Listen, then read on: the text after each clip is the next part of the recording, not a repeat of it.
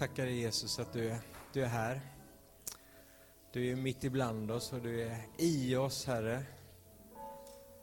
Tack för din frid, tack för ditt liv. Tack att vi får komma, Herre, frimodigt fram till nådens tron. Och så får vi ta emot hjälp i rätt tid, Herre. Tack Jesus. Tack att vi får våga öppna oss inför dig, Herre. Öppna våra hjärtan och bara prisa dig för att du är Gud. För att du är en god Gud. För att du är en Gud som älskar människor. Du älskar oss.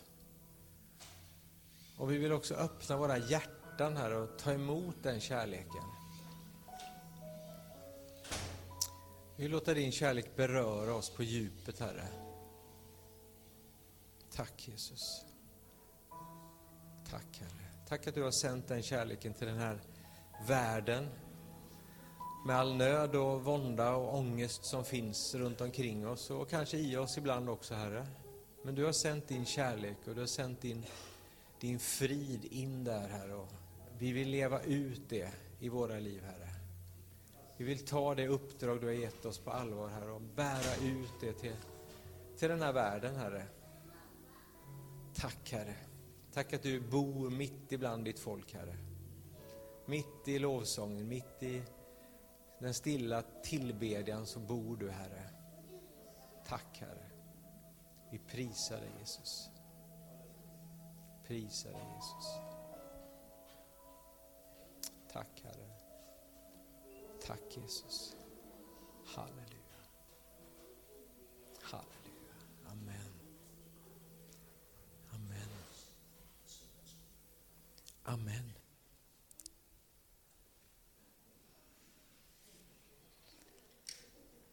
Amen. Ja, idag är det en sån här spännande söndag. Jag tror ganska många kyrkor öppnar upp nu och man har sin gudstjänst igen. Efter en, jag menar, vi har haft lite samlingar och, och vi sågs förra helgen och så, men det, det, kän, det är liksom en ny, en ny tid. På ett sätt. Eh, spännande. Och eh, det, det jag upplevde som rubrik för idag, som du kanske har sett det, det är så här, hur har du det med Jesus? Vi ska prata lite om det idag. Det är efter en, en, en sommar, det är en ny, en ny höst, en ny arbetstermin eller en ny termin eller vad det är nu som är nytt för dig. Eh, och där, där finns vi, du och jag. Så att säga. Och, och Gud är intresserad av dig och din relation till honom, din relation till Jesus. Eh, om du skulle, du behöver inte säga det högt då, men hur skulle du beskriva din relation till honom? Det vill ju hela tiden smyga på oss lite overklighet. Det kallas för religiositet. Vi kan bli religiösa. Och då blir relationen till Jesus lite overklig. Och det får vi alltid brottas med. För Jesus vill att vi har en verklig relation till honom. Skulle du beskriva den som nära eller är den avlägsen? Är det en kärleksfull relation eller är det en kravfull relation? Är du nykär? Eller är relationen som ett gammalt äktenskap? är den abstrakt? Är det svårt att liksom... Eller är det konkret? Din relation till Jesus? Är den är lite ringrostig? Så du känner att ja, jag har inte tänkt så mycket på honom på sistone. Eller är den levande?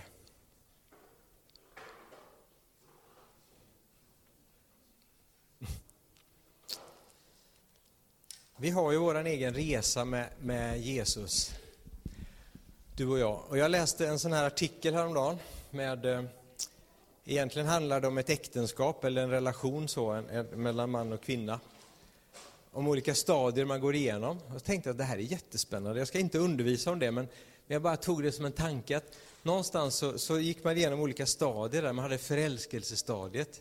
Jag kanske haft den med Jesus. Vi bara ta det här lite snabbt först. Eh, ett stadium när det, det är fokus på det man gillar hos varandra.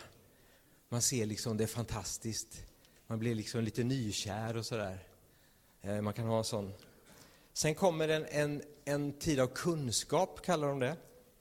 Man börjar förstå varandra, man börjar förstå, få lite insikt, se varandra, se de olika sidorna och det här växer. Det växer också en trygghet. Och så nästa stadie en samexistens. Man börjar inrätta livet efter varandra. Man ska liksom börja passa ihop nu, man börjar foga ihop delar. Har du sett det här i en relation du kanske haft med någon människa?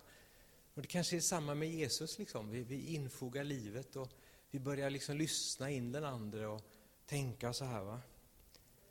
Så kommer det en tid av bestämdhet, där vi börjar brottas med egna intressen, där min vilja krockar med den andres vilja. Så kan det vara i vår relation till Jesus, att rätt som det så upplever jag att han vill något och jag vill inte det. Eller jag vill något och han vill inte det. Och så, och så, så här va. Så kan det vara med vår fru eller vår man eller vår relation vi har också. Eh, efter det kommer det, om det går vidare, om man inte bryter upp då. Man kan bryta upp, varje sån här kamp som blir så kan man bryta upp en relation. Man kan också ta sig igenom och då djupnar relationen. Då kommer man till en relation av tillväxt. Med fördjupad stabilitet, med ett gemensamt byggande. Och då kommer vision och spänning och entusiasm tillbaka. Så vi kan vara i de här stadierna med, med Jesus i vår relation också.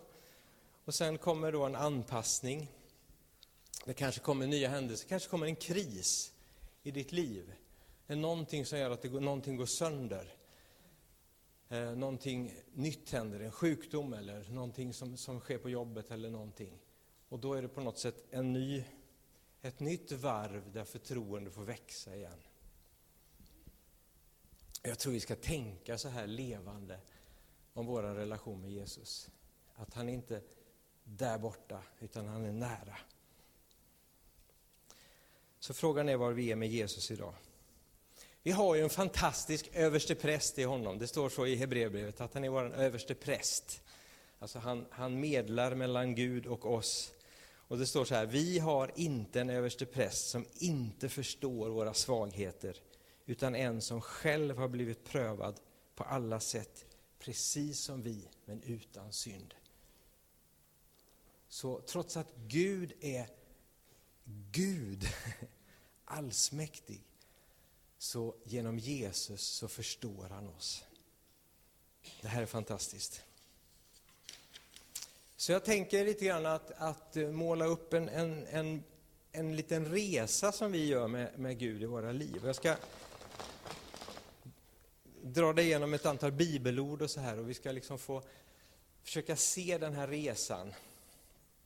Jag tänker att den här resan vi gör med Gud, den är viktig för att den gör att vi kan sätta ord på hur en människa upplever en relation till Gud när vi ska berätta för andra sen. För det är våra liv som är viktiga att berätta om för andra. Det första kallar jag så här, första steget. Välkommen hem.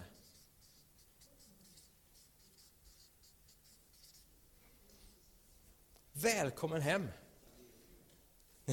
Halleluja. Välkommen hem. Är det så? Är det så? Åh, så profetiskt. Det står i, jag kommer läsa många bibelord här, du behöver inte slå upp dem och så, du kan bara njuta av att ta emot dem. Så här, va? Men första Korinthierbrevet 1 och 9 står det, Gud är trofast, han som har kallat er till gemenskap med sin son, Jesus Kristus vår Herre. Kolosserbrevet 1 och 13. Han har räddat oss från mörkrets välde och fört oss in i sin älskade Sons rike.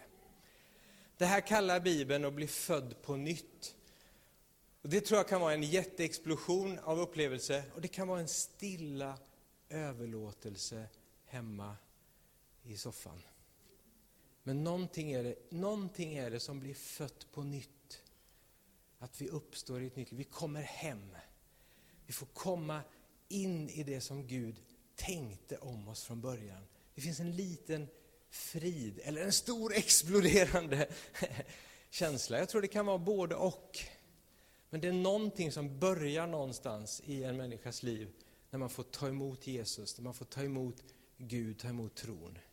Det är ett välkommen hem. Man får landa in i det. I många så, så blir ju det här också ett dop då. Kanske döpt som barn, kanske döpt, kommit tillbaka till tron på något sätt. Det står i Romarbrevet 6. Vet ni inte att alla vi som har döpts in i Kristus Jesus också har döpts in i hans död? Genom dopet är vi både döda och begravda tillsammans med honom. Och på samma sätt som Kristus uppväcktes från de döda genom sin faders härlighet får nu också vi leva ett nytt liv. Kolosserbrevet. Ni var döda genom era överträdelser, men Gud lät er bli levande tillsammans med Kristus. Han förlät våra överträdelser och drog ett streck över det skuldebrev med dess föreskrifter som anklagade oss. Han tog bort det och spikade fast det på korset. Halleluja. Det är att komma hem. Jesus har tagit all anklagelse, all skuld, all fördömelse, all, all det här tyngden. Det har Jesus tagit på korset. Välkommen hem. Välkommen hem. Du har börjat ett nytt liv som börjar nu och som fortsätter ända in i evigheten. Jag har beslutat att följa Jesus. Jag har beslutat att följa Jesus. Jag har beslutat att följa Jesus och aldrig mer tillbaka gå.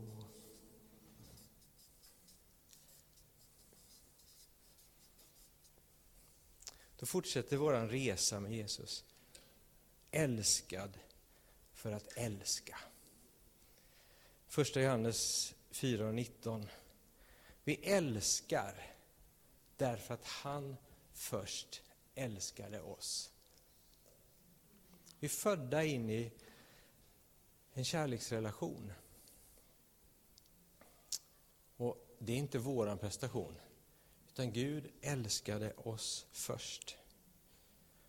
Alltså det här är, det är så oerhört va, att Gud, universums skapare, en helig Gud, älskar oss. Och Det här skapar någonting som är väldigt viktigt i våra liv. Det skapar en tacksamhet. Och tacksamheten, det är liksom grunden för lovsång och eh, för vårt bön mycket. Att få odla den här tacksamheten. Tack över att Gud har älskat oss. I Johannes 15 och 15 så säger Jesus så här. Jag kallar er inte längre tjänare, för en tjänare vet inte vad hans herre gör. Jag kallar er vänner, för jag har låtit er veta allt som jag har hört av min fader. Så när vi har kommit hem så får vi ta emot en kärlek och vi blir älskade för att vi ska kunna älska andra. Så i den här relationen som vi har med Jesus så har vi fått förmågan att kunna älska de som är snälla och fina.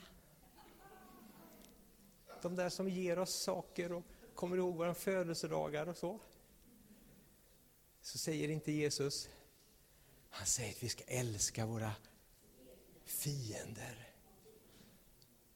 Så de personer som du i det naturliga livet hade hatat och önskat livet ur och velat sticka en kniv i.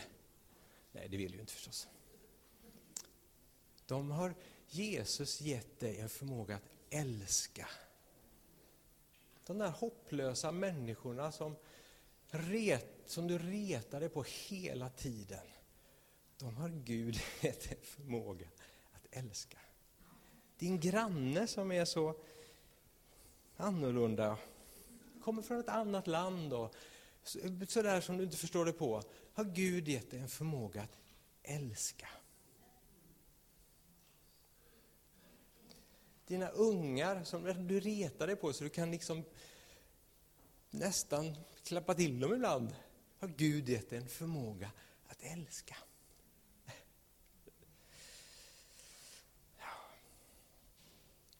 Så när, och det här är ett viktigt steg i våra liv, för då, det är det Jesus håller på med i våra liv, där, det är att kärleken måste få bottna i våra egna hjärtan. För när jag vet att jag är älskad, då händer det någonting. Då liksom kommer det här välkommen hem, det sjunker liksom ner på djupet. Va? För en människa som inte vet att den är älskad, den måste hävda sig själv, den måste hela tiden berätta hur bra den är, den måste hela tiden visa saker, den måste hela tiden göra saker och framstå liksom i någon god dager. Men om jag vet att jag är älskad så kan jag vara trygg. Och det där är en läxa att lära. Jag säger inte att det är enkelt, men jag säger att det är bra. där försvinner vår förkastelse, där kan våra mindervärde försvinna. Där kan vår rädsla försvinna. Kärleken är ett kännetecken på den troende. Ja, vi, vi lämnar det bibelordet. Så man kan säga så här, för att sammanfatta, vad är det att ha en personlig relation till Jesus? Lyssna på det här, det här är bra. Då är det liksom att, det är att relationen till Jesus är att jag minskar relationen till mitt eget ego.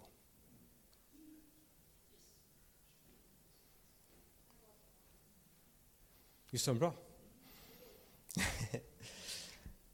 att det är att relationen till Jesus, relationen till Jesus är att jag minskar relationen till mitt eget ego. Ska vi ta det som ett bibelord? Så är det så här, Lukas 9.23. Om någon vill följa mig så måste han förneka sig själv och varje dag ta sitt kors och följa mig. Det betyder att när jag liksom detroniserar, säger man, när jag liksom tar bort mitt eget ego från tronen och sätter Jesus på den tronen, så får jag allt det här, då kommer det här till mig. Då får jag leva det liv som Jesus har skapat för mig. Fri från självhävdelsen, fri från rädslan, fri från förkastelsen och nederlaget. Amen.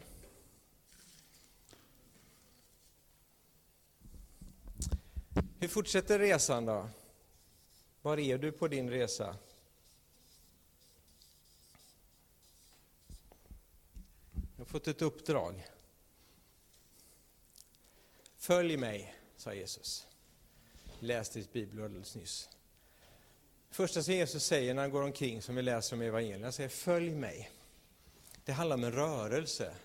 Det är inte ett stillasittande egentligen att vara en troende. Utan den här kärleken, den, den som vi får i våra hjärtan, den för oss ut i rörelse. Den får oss att börja sätta ena foten framför den andra i en rörelse. Och det kallas för tro. Den rörelsen kallas för tro. Eh, I Matteus 9.22 säger Jesus till kvinnan med blödningar, hon har liksom tagit ett steg och velat röra vid Jesus, fått röra vid Jesus, så säger Jesus, din tro har hjälpt dig.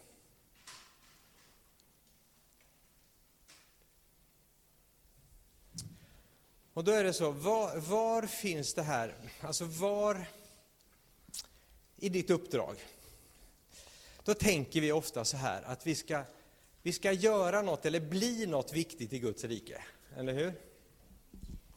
Eh, men jag tror egentligen det är väldigt mycket enklare än så. För vi är något viktigt i Guds rike. Ditt liv, Gud har investerat i ditt liv. Gud bor i dig. Alltså Gud har hela tiden längtat efter att bo ibland sitt folk. I öknen så bodde han i templet, i tabernaklet. Eh, eh, I, i tabernaklet. Sen bodde han i templet. Sen bor han i dig och mig och lever sitt liv där. Det står i Johannes 1 och 14 att ordet blev människa och levde ibland oss. Uppenbarelseboken 21 och 3 står de liksom slutklämmen. Se, nu har Gud sitt tält bland människorna. Han ska bo tillsammans med dem och de ska vara hans folk. Ja, Gud själv ska vara hos dem. Och där är vi redan nu, att Gud bor ibland sitt folk. Och då händer det här som händer med Jesus, att Jesus han gick hem ibland syndarna. Det var inte så att Jesus gick hem bland den religiösa eliten. Han gick inte hem bland fariseerna.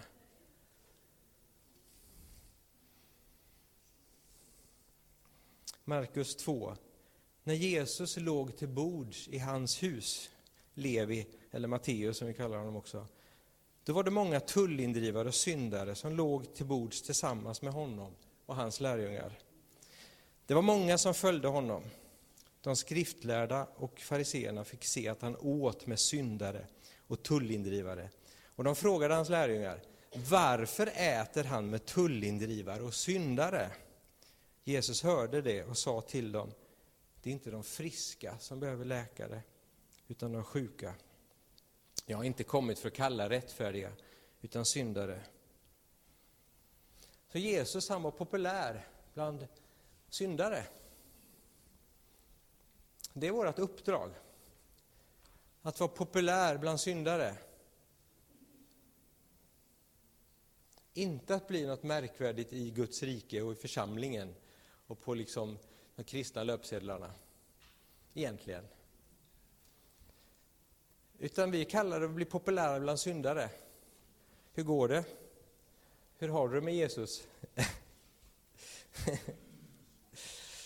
Varför var han populär bland syndare? Jag menar, han, han stod ju för sanningen och sanningen kan ju vara väldigt obekväm.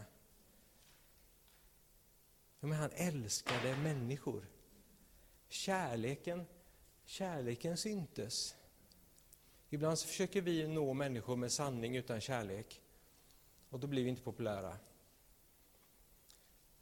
Men när sanningen, när kärleken får landa i oss, då kan också sanningen landa. Så att när vi, det är här vi kanske gör fel ibland, att vi försöker ändra sanningen för att bli populära bland människor. Är du med? Vi försöker liksom skruva på våra liksom gudstjänster och våra samlingar och hur vi gör och hur vi säger och hur vi tänker. Så här, va? Vi borde egentligen skruva lite mer på kärleken i våra liv. Så att du blir populär bland tullindrivare och publikaner. Det är bättre att använda sådana ord än att använda liksom riktiga ord som vi använder just nu. Då. Vem är det du behöver bli populär bland? Här får tänka efter själv. Vilka har du runt dig som du behöver bli populär bland? Alltså de var inte tvingade att ha Jesus på middag, men de ville det. De som hela samhället såg ner på och tyckte att det här var ju det var liksom de värsta människor man kunde tänka sig. De utnyttjade och sög ut pengar och de, de begick synd. Där var Jesus och de gillade att snacka med honom.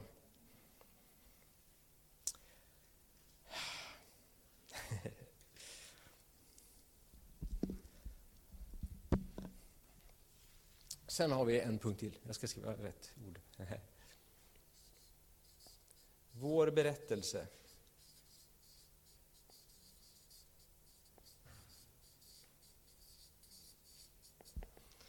Det ser jag lite som liksom nästa steg på något sätt. Att relationer med Jesus, det ger mig ett vittnesbörd. När jag har vandrat med Jesus, när jag har fått uppleva att jag har kommit hem, när jag får ta emot hans kärlek och vad det har betytt för mig, vad det har förändrat i mitt liv. När jag blivit populär bland syndare, så får jag ett vittnesbörd. Och här kan man känna sig jätte torftig, kan jag känna. För vi kan, ha ett, vi kan ha ett vittnesbörd bland de troende. Är du med? Vi kan ha ett gott anseende bland de troende. Men tänk när vårt vittnesbörd blir så att säga, bland de icke-troende. Den berättelse Gud har skapat i mitt liv, i ditt liv, där du har tagit emot honom. Han har liksom intagit dig och du har blivit en levande berättelse. Och du berättar den för de människor du möter. Då har du ett eget vittnesbörd. I första Korinthierbrevet 1 och 6 står det att vittnesbördet om Kristus har fått ett stadigt fäste hos er. Paulus han betygar det här och liksom korintierna, liksom vittnesbördet om Kristus har fått ett, ett fäste hos er. Det står också att jag utrustats med all rikedom i tal och kunskap. Jag tror det här är vad, vad Gud vill göra i och genom sin församling. Och ibland har vi varit ute och gjort massa andra saker. Men det är okej. Okay. Vår sista punkt då på vår resa här.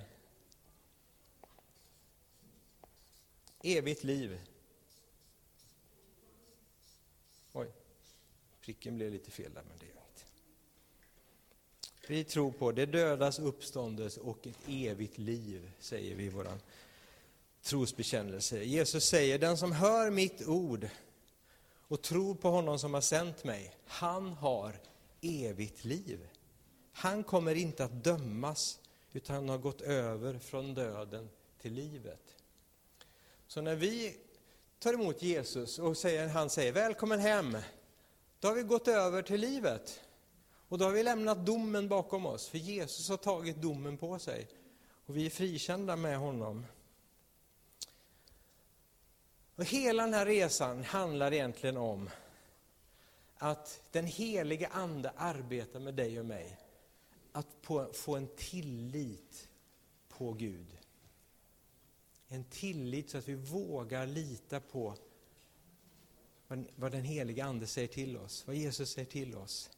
Vad Jesus vill att vi ska göra, vilka steg Jesus vill att vi ska ta. Och när den här tilliten får växa, då är det som den där äh, relationen som vi pratade om i början som växer. Rätt som det kommer en liten kris, jag kan lämna Jesus eller jag kan få göra Jesus lite mer avlägsen. Eller jag kan också närma mig. Vi kan gå igenom krisen tillsammans. Och relationen med mig och Gud blir starkare. Jag tror att varje, varje väckelse, varje förnyelse, den börjar med ett uppvaknande om vad, vad är det Jesus egentligen vill? Vad är det han verkligen gör?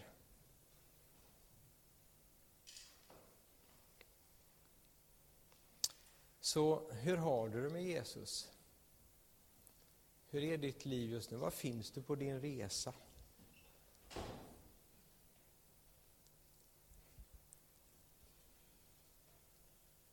Jag läste någon artikel om eh, väckelse. Och det var flera citat om vad väckelse är. Vi kanske, väckelse kan vara ett sånt där ord som vi, liksom, vi stöter ifrån oss lite grann och, och tycker att det, det, ja, det kan vara svårt för vi tänker att det ska vara på ett visst sätt. Men bara lyssna på det här. Det här är några olika citat som olika gudsmän har sagt. Eh, någon som heter John White, han sa så här. Det, väckelse är en gudomlig handling varmed Gud utgjuter av sin heliga Ande först över församlingen och det kommer som ett alternativ till domen som stod redo att falla över församlingen och den sekulära världen.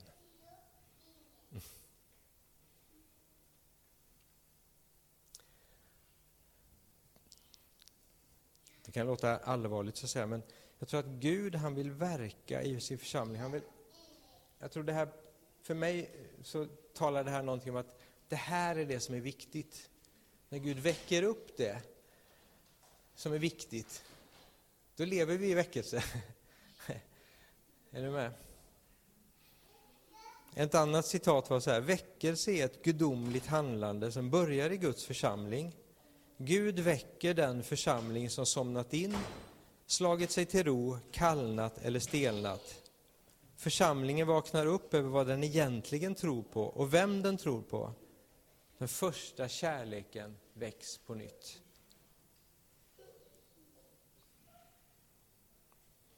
Eller bara väckelse är när kyrkan på nytt bli förälskad i Jesus. Herre, vi tackar dig för den resa som, som vi går med dig.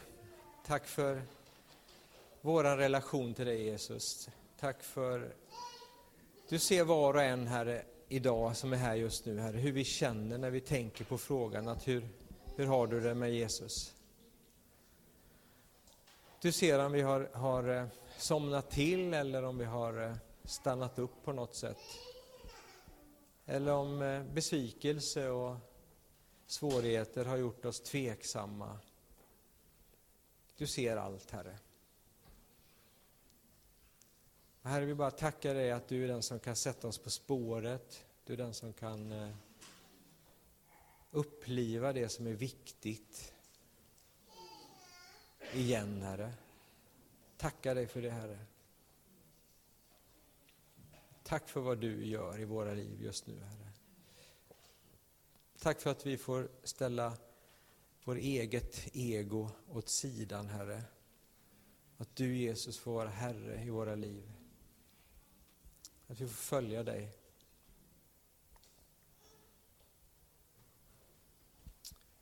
Tack, Herre.